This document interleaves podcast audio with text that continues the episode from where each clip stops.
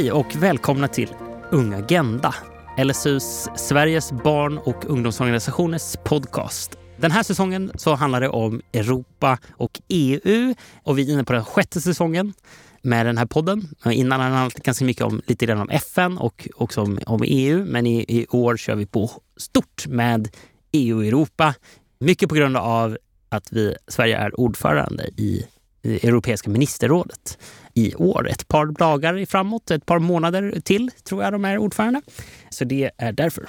Och idag så har vi med oss två spännande gäster. Vår styrelseledamot i LSUs styrelse, Sigge, som också ansvarar för lite Europa och, och hållbart engagemangsfrågor, är tillbaka. Hej Sigge! Hallå, hallå! Du känner dig lite varm i kläderna sen sist? Ja visst, det är kul att vara tillbaka i etern. Ja, för oss som eh, pratar här så är det bara typ en vecka emellan ja, de här inspelningstillfällena. Så att jag tänker att du fortfarande är uppvärmd ja. och redo. Och sen har vi med oss också Andreas Björk. Hej! Hej, vem är du? Ja, jag jobbar på Myndigheten för ungdoms och civilsamhällsfrågor. Framförallt med fritidsfrågor. Så det är vad jag jobbar med. Men vem är jag? Ja, vem är du? Lite oh, kort bara. vem är jag? Jag skulle säga att eh, jag identifierar mig mycket med friluftsliv. Okay. Ja, så jag skulle säga att jag är en friluftslivsbyråkrat med intresse för, för ungdomsfrågor. Superkul! Det skulle, jag är inte så mycket friluftsmänniska, eh, så det är spännande att höra. Eh, men jag är också väldigt intresserad av ungdomsfrågor. Men det är mera, mera kanske började partipolitiskt istället med det. Man kan ha flera olika vägar in i, i unga civilsamhället är väl det bästa kanske. Men också på en myndighet går ju också jättebra att vara. Ja, och vad gör vi här idag? Vi är här för att prata om EGL, vilket står för någon som är rapp. Europe Goes Local. Tack! Och det hade vi med faktiskt i förra säsongen också. Så snackade vi lite EGL, men då med Marie Falk och Jenny Haglund. Exakt, och, och de eh, var mera representanter från några organisationer och lite, lite mera liksom representanter. Men du faktiskt arbetar med det här, eller liksom samordningsbiten då? Ja, alltså man kan säga att myndigheten håller i det här lite grann. Okay. Eh, så man är med och engagerad. Men, men egentligen så alla organisationer som är med i EGL Sverige då, mm. är egentligen med och bestämmer tillsammans. Och sen finns det EGL Europe också då, Precis. vilket kanske är logiskt när det handlar om, om Europa. Jajamän, så det styrs ju centralt ifrån från Bryssel då också, det stora projektet. Kul. Men vad, vad är EGL då? Vad gör ni? Jag skulle vilja sammanfatta det som att det handlar om kvalitet i öppen fritidsverksamhet och att utveckla kvaliteten i den öppna fritidsverksamheten. I Europa så pratar man om youth work och det är ett lite bredare begrepp än det vi kanske tänker som öppen fritids och ungdomsverksamhet. Då tänker vi lätt på fritidsgårdar och ungdomens hus. Youthwork är ju bredare än så. Men i Sverige är vi också lite ovanliga på det sättet att vi har den öppna verksamheten som handlar om ungas fritid. Och egentligen mer specifikt om fritiden. Okej, har du några exempel på vad som ingår i den bredare öppna fritiden än fritidsgårdar och ja, ungdomshus och sånt. Youth work kan man ibland, eh, när man diskuterar i vissa koncept, komma ganska nära det som vi kallar socialt arbete i Sverige. Okej. Okay. Och öppen ungdoms och fritidsverksamhet har ju, är viktig socialt. Också viktig att ha en kompensatorisk effekt om man kanske inte har alla förutsättningar hemma. Men det är inte socialt arbete. Inte på det sättet som socialtjänstens arbete är socialt arbete. Så där finns det ändå lite skillnader. Spännande. Kan du ge några exempel på eh, lite mera vad, vad EGL liksom, vad gör de konkret i, i Sverige? Men kanske också lite grann i, i eh, Europas kontext. En, en viktig sak i EGL Sverige det är den här charten. Ja. Europeiska principer för lokal öppen fritids och ungdomsverksamhet. Den långa titeln på svenska heter. Och den har vi valt att fokusera på ganska mycket i Sverige liksom driva arbetet utifrån det. Och det, Man kan se det som en punktlista. En punktlista på vad krävs av en verksamhet för att den ska innehålla kvalitet. Och hur kan man utveckla verksamheten om man vill utgå från några punkter? Så så skulle jag säga att den här charten är. Den är ju utvecklad från EGL centralt och har varit ute på remissrundor i organisationer, mm. över 200 organisationer runt om i Europa. Den är ganska ny också har jag för mig, va? Den är inte supergammal. Nej. Det är den inte. De här projekten drivs ju inte på eh, evighetsbasis heller, utan de har ett slutdatum.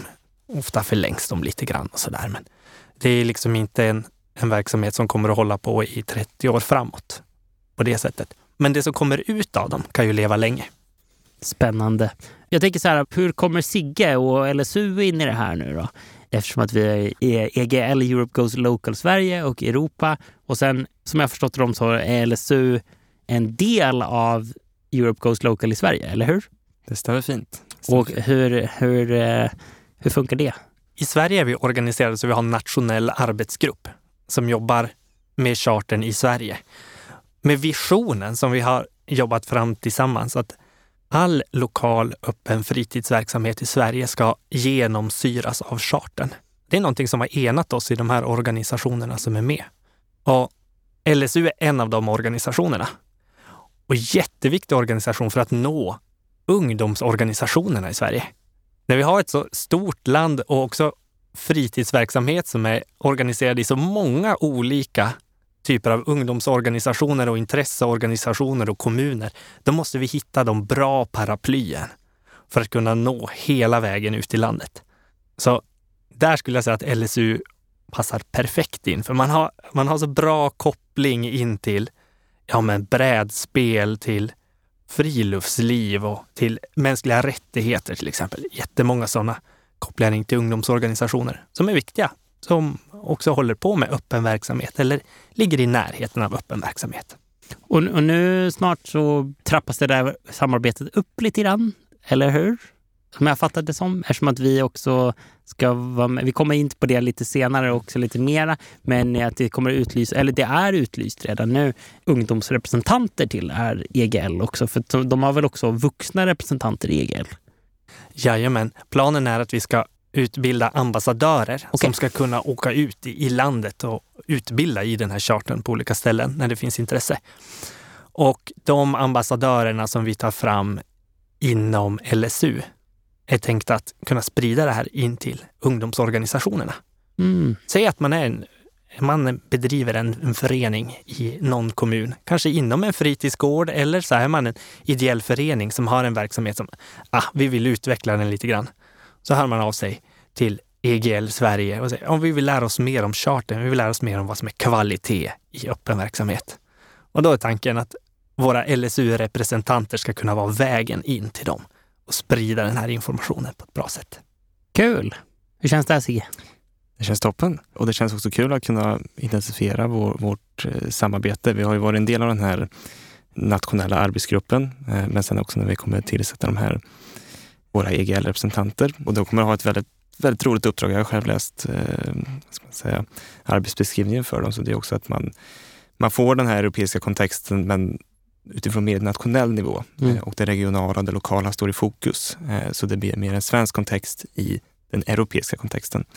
Och bara lite fylla på kring den här just kopplingen mellan LSU och EGL är ju också just att vi har den här möjligheten att kunna sprida charten och att den kan användas för legitimering och utveckling av eh, öppen, och, eh, öppen ungdoms och fritidsverksamhet på lokal och regional nivå.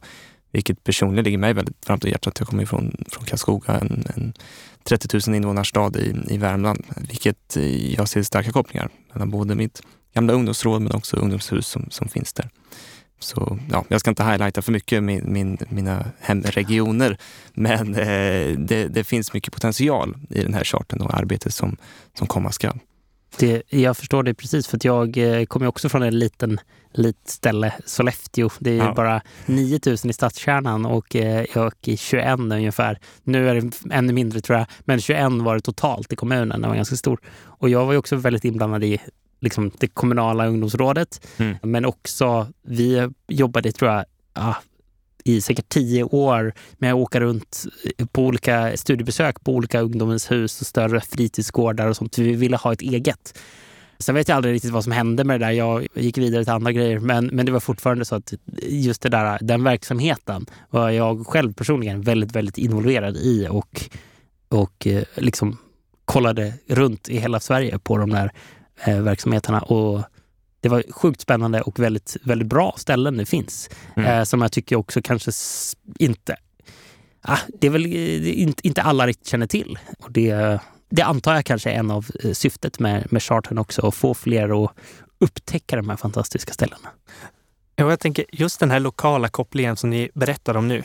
Det är ju den som är så viktig. Det är ju ända ut i varje kommun, varje verksamhet som man vill ha kvalitet. Men det är inte så jättelätt om man sitter i en, i en mindre kommun eller sitter i en. Hur ska man ta till sig den här informationen som kanske finns på europeisk nivå? Hur ska vi ena Sverige kring vad öppen verksamhet är? Vi måste hitta någonting som vi kan stå i tillsammans och som kan liksom sprida över utan att varje ungdomsråd måste göra ett, en resa runt över i landet för att titta på Ungdomens hus. Det kan vara jättetrevligt. Det var jättetrevligt. Så vi kanske inte ska ta bort det eh, helt och hållet, Exakt. men man kan underlätta. Och det hoppas jag att charten kan bli. Mm. Ett sätt för oss att hitta något gemensamt att stå för. Det här tycker vi är kvalitet tillsammans och det kan underlätta utveckling. Om man till exempel ska prata med lokala politiker, då kan man säga, om men så här har de jobbat i den här kommunen Mm. och så här har man sagt på Europanivå och så här säger hela landstinget. Det finns Mm. många kopplingar man kan göra.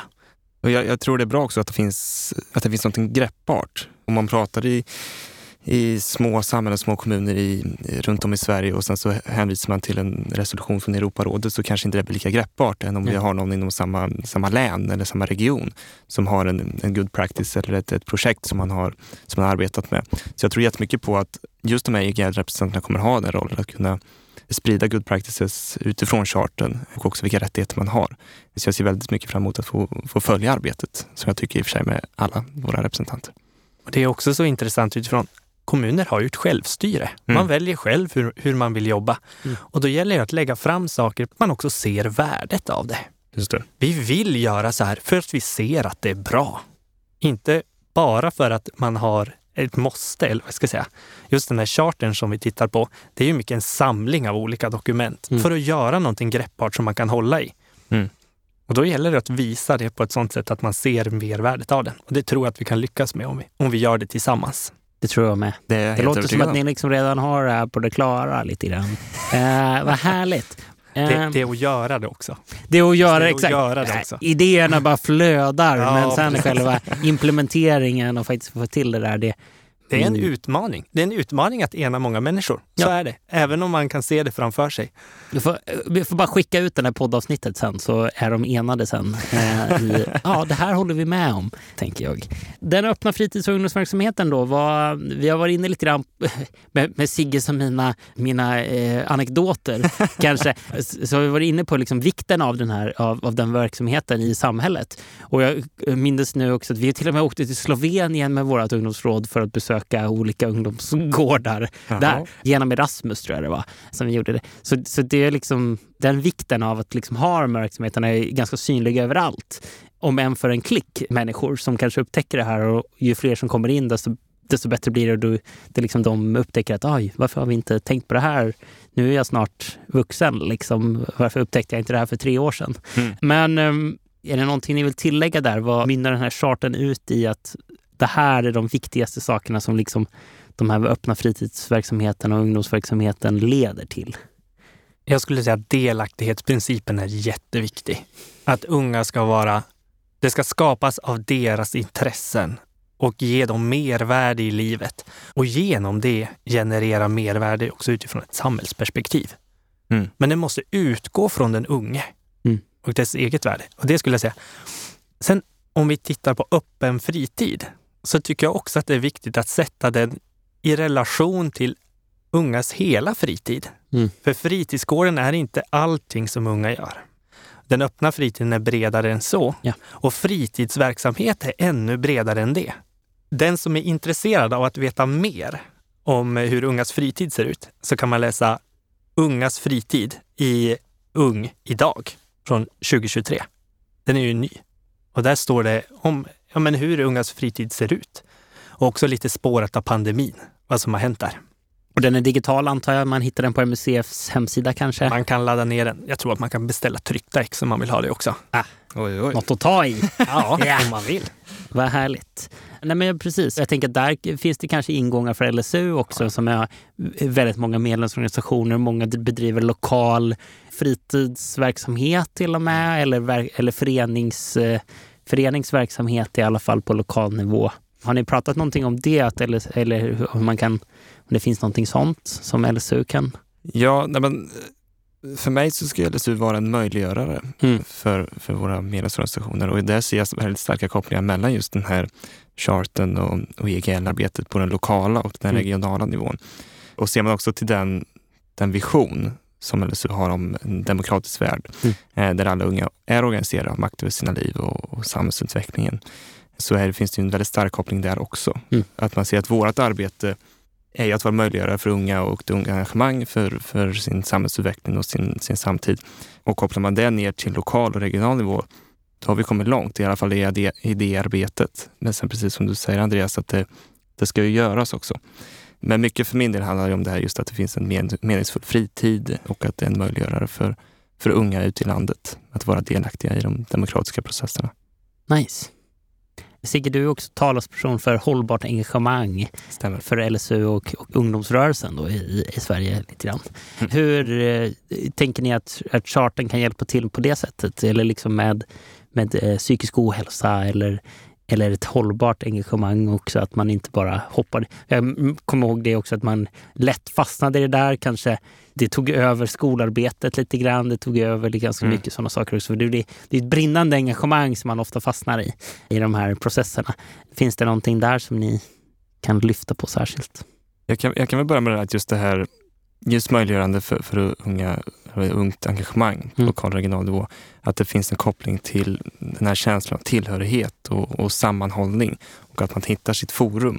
Och det tror jag väldigt mycket att, att genom den här charten att man både möjliggör för de forum där unga kan hitta sin, sin plattform eller sitt forum där man kan träffa, träffa andra unga och, mm. och egentligen ha en meningsfull, meningsfull fritid. Så jag tror mycket på att, att när, man, när man pratar om att motverka exempelvis eh, ensamhet eller mental ohälsa så handlar det mycket om, om sammanhållning och hitta sin, ska man säga, sin grupp och sin plats.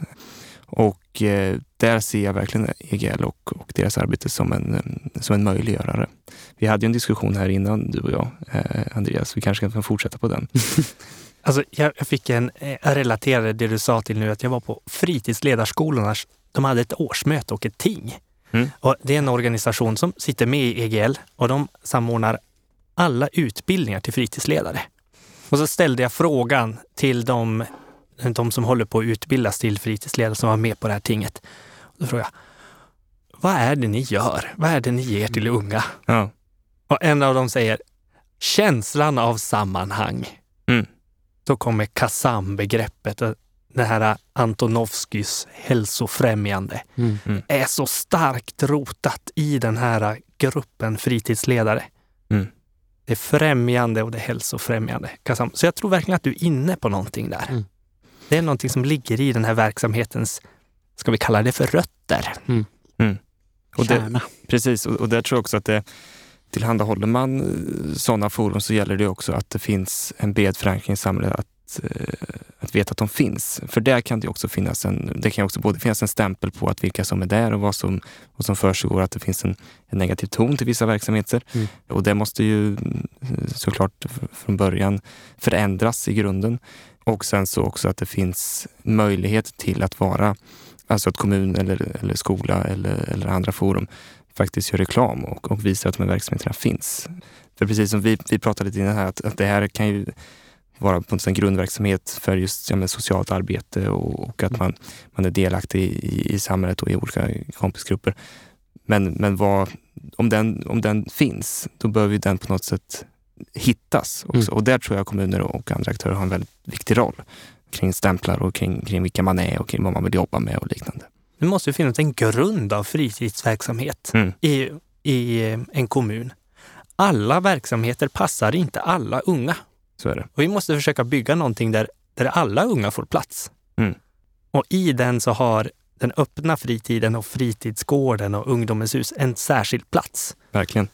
Särskilt för de som ja, men av olika anledningar kanske inte ville spela fotboll eller hockey mm. om det var det stora på just den orten. Mm. De verksamheterna är också jättebra. Men eh, jag vill också Mm. kommentera, det finns, du pratar om de här negativa föreställningarna. Mm. Och jag tror också att det är viktigt att erkänna att en dålig verksamhet är inte bra. Nej. En dålig verksamhet är inte bra. Mm. Och det trycker vi på med den här charten. Mm. Att det är så här man ska göra verksamheten Mm. för att den ska vara bra. Vi har verksamhet som behöver utvecklas i Sverige. Jag skulle nog kanske till och med vilja dra mig så långt att ingen verksamhet är så bra att den inte kan utvecklas. Exakt. Mm. Vi har också väldigt bra verksamhet på många ställen i Sverige. Men det är viktigt att trycka på att den öppna verksamheten som inte är bra, den behöver bli bättre. Så är det. Och bara eh, en kort kommentar kring det du precis sa innan där att, att exempelvis Ungdomens hus och, och fritidsgårdar är möjliggöra för, för oss kanske inte hittade, ja, hittade fotbollen, hittade ishockeyn eller det som var de andra stora aktiviteterna på, på orten. Så har ju chartern en viktig roll i att just vara möjliggöra för att, för att kunna hitta vad ungdomshus ska göra och vilken verksamhet ska bedrivas och just det här delaktighet i, som en delaktighet i verksamheten där det inte blir toppstyre från vuxna. Exakt. Vad saknas? liksom? Precis. Mm. Och då så finns det ju tydligt, eller som jag tolkar den här charten, att det finns en tydlighet i att, att unga ska vara delaktiga i vilka aktiviteter det ska finnas och vad, vad ska den här ungdomshus arbeta för eller ja, vad för verksamhet ska bedrivas. Så, så där, där tror jag det, där har det också väldigt ett viktigt inspel. Ja, jag tror att du är inne på någonting. Den här sammankopplingen av aktiviteter för unga igen. Alltså, charten kanske inte riktar in sig på det som ibland i vissa kommuner kallas ungdomsdialog eller Mm. Nej. de demokratiska processerna. Men det går inte att frikoppla. Nej. Nej. För det handlar om en helhetssystem för unga. Och det är så viktigt att man ska, man ska få vara med och påverka. Vad gör Vad finns det för fritid för mig Mm. på den här orten? Och hur utvecklas det överlag? Det går liksom inte att dra jättetydliga gränser överallt. Och då för att koppla tillbaka till våra EL-representanter som komma skall, så har ju Ja. de också ett viktigt arbete i just det här som jag, ja men precis som du var inne Joakim på, det här med att, att det finns många olika ja, good practices runt om Mm. i landet och då att man också har möjlighet att sprida det. Mm. Och just spridningsarbete till vad, hur jobbar den kommunen, hur jobbar den regionen med, Mm. med inkluderande unga eller fritids och ungdomsverksamhet. Så det ska bli väldigt spännande att se hur den utvecklingen ser ut i landet och också vad som finns ute i landet. För det finns ju hur mycket bra jag minns ju själv nu, tyvärr, det är ju det som är lite tråkigt att flytta till, till Stockholm faktiskt. Man får en avsaknad av verkligheten, kanske jag inte ska säga, men man får en avsaknad av, av sina, sina hemrötter. Eh, och där så kommer jag ihåg när man jobbade inom, inom ungdomsrådet eller med ungdomshus och liknande, att man, man fick ju veta på så otroligt mycket goda projekt och goda, Mm. eh, gott engagemang som finns runt om i landet. Och det hoppas jag verkligen det kan samlas. Kul. Vi har kommit till den punkten att vi ska snacka lite grann om uppdragen just och liksom vad, vad kommer härnäst? Vad är framtiden nu för, för EGL och det här samarbetet då mellan LSU och, och, och EGL? Och där har vi bland annat representanterna. Då. Mm. Kan ni berätta lite, lite kortare eller, lite mera om, eh, om deras uppdrag? Vad liksom kommer det gå ut på rent handmässigt? Just det, då skulle jag vilja börja i egentligen det här året och ett strategiskt område som vi valde i, i arbetsgruppen. En sak som vi ville göra det är att höja kapaciteten för att kunna sprida information i hela landet egentligen. Och i den så har vi utbildat de här ambassadörerna, både Mm. vuxna och inom LSU. Det är ju kapacitet som vi ökar här. Sen ska vi ju använda den kapaciteten. Åka ut och prata och sprida information i så många organisationer och så många kommuner som vi bara kan. Så det tänker jag är nog mycket det som kommer att, att komma framåt här. De kommer att vara mer, mer liksom från någon slags nationell nivå ner till lokal nivå då, runt om i Sverige. Är det, är, det- är det det som är tanken mer? Jag tänker att de ska finnas med och sprida ut i ungdomsorganisationerna. Sen hoppas jag också att LSU kan vara med och bidra in till arbetet i arbetsgruppen. Ah, Det är jätteviktigt att vi får in unga representanter i den också. Det vore ju lite hyckleri att ha en nationell arbetsgrupp för ungdomsdelaktighet utan Mm. unga i. Så det är också en jätteviktig del. Precis, och, och i den arbetsbeskrivning som vi har tagit fram så, så är det precis som du säger att, att det ingår att delta i de här nationella arbetsgrupperna och vara en del av det. Men sen annars har man ju två uppgifter som är de främsta och, och det ena handlar om att, att just sprida information om de här charten och europeiska principer eh, för lokala öppna och fritids och ungdomsverksamheten. Eh, och då kan det handla om föreläsningar eller seminarier, men det kan också vara, som jag tolkar så ska de delta i Unga Agenda-podden också. Ja. Eh, så, Kul. Ja, då fick du veta det. Ja, jag, jag är ju mest troligt inte här då eftersom Ja, att jag är just just föräldraledig, Just men, just just men jag, kan, jag kommer ju tillbaka Mm, eh, så precis. småningom. Så bo, både den delen, att, att sprida den här charten och, Mm. och vara en samlande kraft för, för arbetet från LSU. Och sen den, den andra delen handlar ju såklart om att vara en representant Ja. eh, för, för LSU. Och man kommer också kunna få delta, som jag det, eh, på den här EGL-konferensen. Eh, Ja. Vi kommer komma in. Nej, ni kan ta det nu. Vad, vad är det? Ja, då, då slår jag tennisbollen över till Ja. Andreas. Ja, den femte EGL-konferensen kommer att hållas i Sverige i maj. Mm. Och det är en konferens för de här arbetsgrupperna, eller egentligen så är det delegationer som skickas. Eh, Och alla länder har inte nationella arbetsgrupper heller. Nej. Men det är liksom en sluten konferens för, för dem. Och det kommer att handla om framför allt hur, hur bygger man bra kapacitet kring det här. Det är lite av fokuset som kommer att vara. Så kommer man prata om hur utvecklar vi ungdomsverksamheten och hur utvecklar vi EGL-arbetet i Europa. Det är det de här konferenserna liksom har som fokus. En anledning till att den är i Sverige är ju också för att vi har haft ordförandeskapet. Mm. Eller för att vi fortfarande har ordförandeskapet. en Det passade bara bra. En snygg koppling. Ja. ja. Då, I slutet av maj, då är de här EGL-representanterna på plats. Nej, Nej. de är på plats från första juli, tror Okej. jag. Så de missar är- precis den, Mm, den konferensen. det- De missar precis den konferensen, så är Ja. det. Så de kanske får en, eh, en sammanfattning. Det kanske alla kan få eh, så småningom. Vi får återkomma. Så Ja. Ja, nog ska man få veta vad som händer på den konferensen. Det tycker jag. Absolut. Jag tänker mm, vilka som skickas till de här konferenserna. Och inte, det är ju, beror ju också på hur, hur stora delegationer man får skicka och så vidare. Just det. Vi är ju en större delegation än vad vi får skicka. Mm. Så jag tänker att det kommer att bli avgjort från, från gång till gång. Ja. Vilka som är. Men jag tycker ju att det är fint om man har ungdomsrepresentanter i sina delegationer när det kommer till en stor ungdomskonferens. Definitivt. Om ni kunde göra en gigantisk ungdomens hus. Ni hade liksom oändliga resurser, ni fick göra det precis vart som helst. Och också bara ha den öppen för vad som helst med rolig verksamhet. Och ett fantastiskt ungdomsinflytande. Vart skulle ni, vart skulle ni placera denna ungdomsgård eller ungdom, denna, detta ungdomens hus? The Youth House liksom, i Europa. Vart skulle ni välja då? Vilket samhälle, vilken, vilken stad? Man får välja fritt. Eller by. går också bra. Om man känner att man kommer från en by eh, så går det också bra. Ja, ungdomens Bryssel får väl det kanske bli då. Eh, Alltså det är så. Nej, vi, jag- vi flyttar eh, Europa, eh, Europaparlamentet till Karlstad. och så, och så, eller vi bara bygger ett nytt Europaparlament i Karlstad som du sa i förra avsnittet. Och så, och så tar vi det gamla Europaparlamentet och gör ett gigantiskt ungdomshus. Ja, nej, jag, jag hoppas väl på att vi kanske inte hamnar i, i Bryssel, Nej. så får man väl säga. Men det här skulle på något sätt kunna vara ungdomens Bryssel. Exakt, det var så du tänkte? Ja, Ah, precis. ja, definitivt, exakt. Ja, jag pratade ju förra gången det här just att det är viktigt att kunna, det är enkelt att kunna ta sig till och från. Eh, Men, jag också, jag, jag har ju en liten förkärlek till, till, till Prag Mm. eh, och Tjeckien. Men jag, ja, jag vet inte riktigt om, om de skulle vilja ge något slott i Prag eh, till, till ungdomar. Jag vet inte riktigt. Men... Du har ju oändliga resurser. Ja, det här, är- precis. det här är, eh, Det är liksom ingen förhandling. Det är jag, jag ingen går bara in förhandling. och, vad, vad är priset? Exakt. ja, men jag får säga Prag då kanske. Yes. Andreas. Ja, Något som jag tänker hade varit väldigt häftigt, Mm. det är att ha en digital plattform som var liksom världsomspännande. Där vi också hade personal inne. Alltså så att det var... Du är inne på det här virtuella rummet Ja, men, som vi ja, pratade men innan vi kommer in till det vir- virtuella rummet.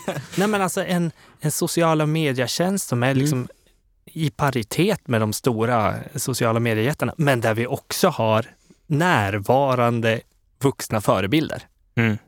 Ett En Minecraft-server helt En enkelt. gigantisk Minecraft-server. Där har vi det. Och så I den här oändliga resurser ingår det också en, eh, en tillräckligt bra spelkonsol till Ja. varenda ungdom i hela världen. Ex, exakt, den, den, bara, den får man vid födseln. Ja, men det, Ja. jag har ju faktiskt i, i, inga slott som jag behöver betala Nej. hyra på. Så då kan vi köra på digital utrustning till alla istället.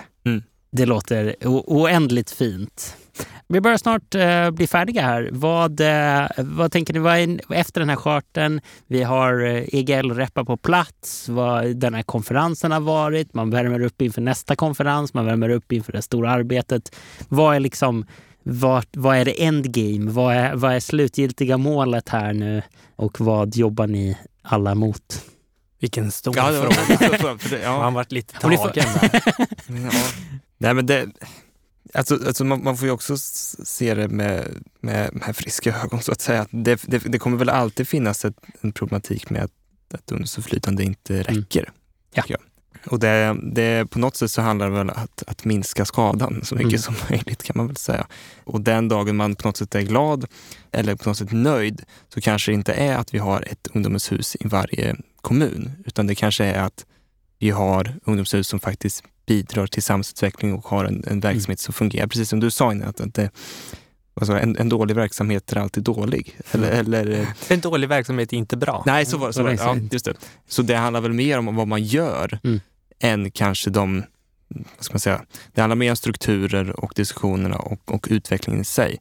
Och det på något sätt är ju kanske svårt att mäta. Mm. Men ett första steg, och det har säkert funnits steg innan det, är ju den här charten. Att på något sätt man kan få upp ögonen för hur, hur jobbar vi med unga, hur jobbar vi med delaktighet? Både från kommun och regionnivå, men också åt andra hållet. När det handlar om, om att unga får veta vilka, eh, vilka möjligheter man har och vilka, eh, vilka rättigheter man har för att kunna påverka. Så jag tror, tror mycket informationsspridning och kunskapshöjande insatser är det. Ja, det är väl ett delmål. Sen slutmålet, har du något svar på det? Nej, men Nej. ett begrepp som jag tänker på och som kommer tillbaka till mig ganska ofta, det är livskvalitet. Mm. Mm. Alltså livskvalitet, att man ska känna livskvalitet i sitt liv. Mm. Och det tänker jag är en grej med den öppna fritiden, att man ska känna att man har kvalitet i sitt liv. Och sen så tänker jag på en till sak också. Alla unga är resurser. Ja. Och jag tror att vi, vi behöver dem om vi ska klara de samhällsutmaningar som vi står inför. Mm. Vi kan inte tänka att unga kommer att bli klara om ett tag och då bidrar. Man, man måste vara med här och nu. Mm. Så livskvalitet och också ta oss på allvar och kunna bidra redan nu. Mm. Det skulle väl vara någon slags visionsslutmål då. Och varje ung känner mening med sitt liv och bidrar till samhället utifrån bästa förmåga. Det hade varit något fint. Det håller jag med om att det hade varit väldigt fint och det låter väldigt, väldigt bra. Jag tänker att vi, eh, jag tänker att vi nöjer oss där. Vi avslutar med, det, med de fina orden. Tack till eh, Sigge och tack till Andreas. Tack. Kul att ha, ha er här och göra poddpremiär. Man blir lite du... orolig innan, innan det kommer igång. Nej, Men det, ni, ni det... är så trevliga så att man, ja. man, liksom, man bara sjunker ner i sin poddstol och känner och här kan jag sitta. Här kan jag sitta länge. Det är väldigt, det är, man, man blir varm ganska snabbt. Ja. Men eh, det kanske, vi kanske syns igen någon gång i podden när ni, när, när med EGL-repparna då kanske här mm. inne. Det skulle vara väldigt kul. Ja, tack för, tack för det här. Tack så mycket. Tackar.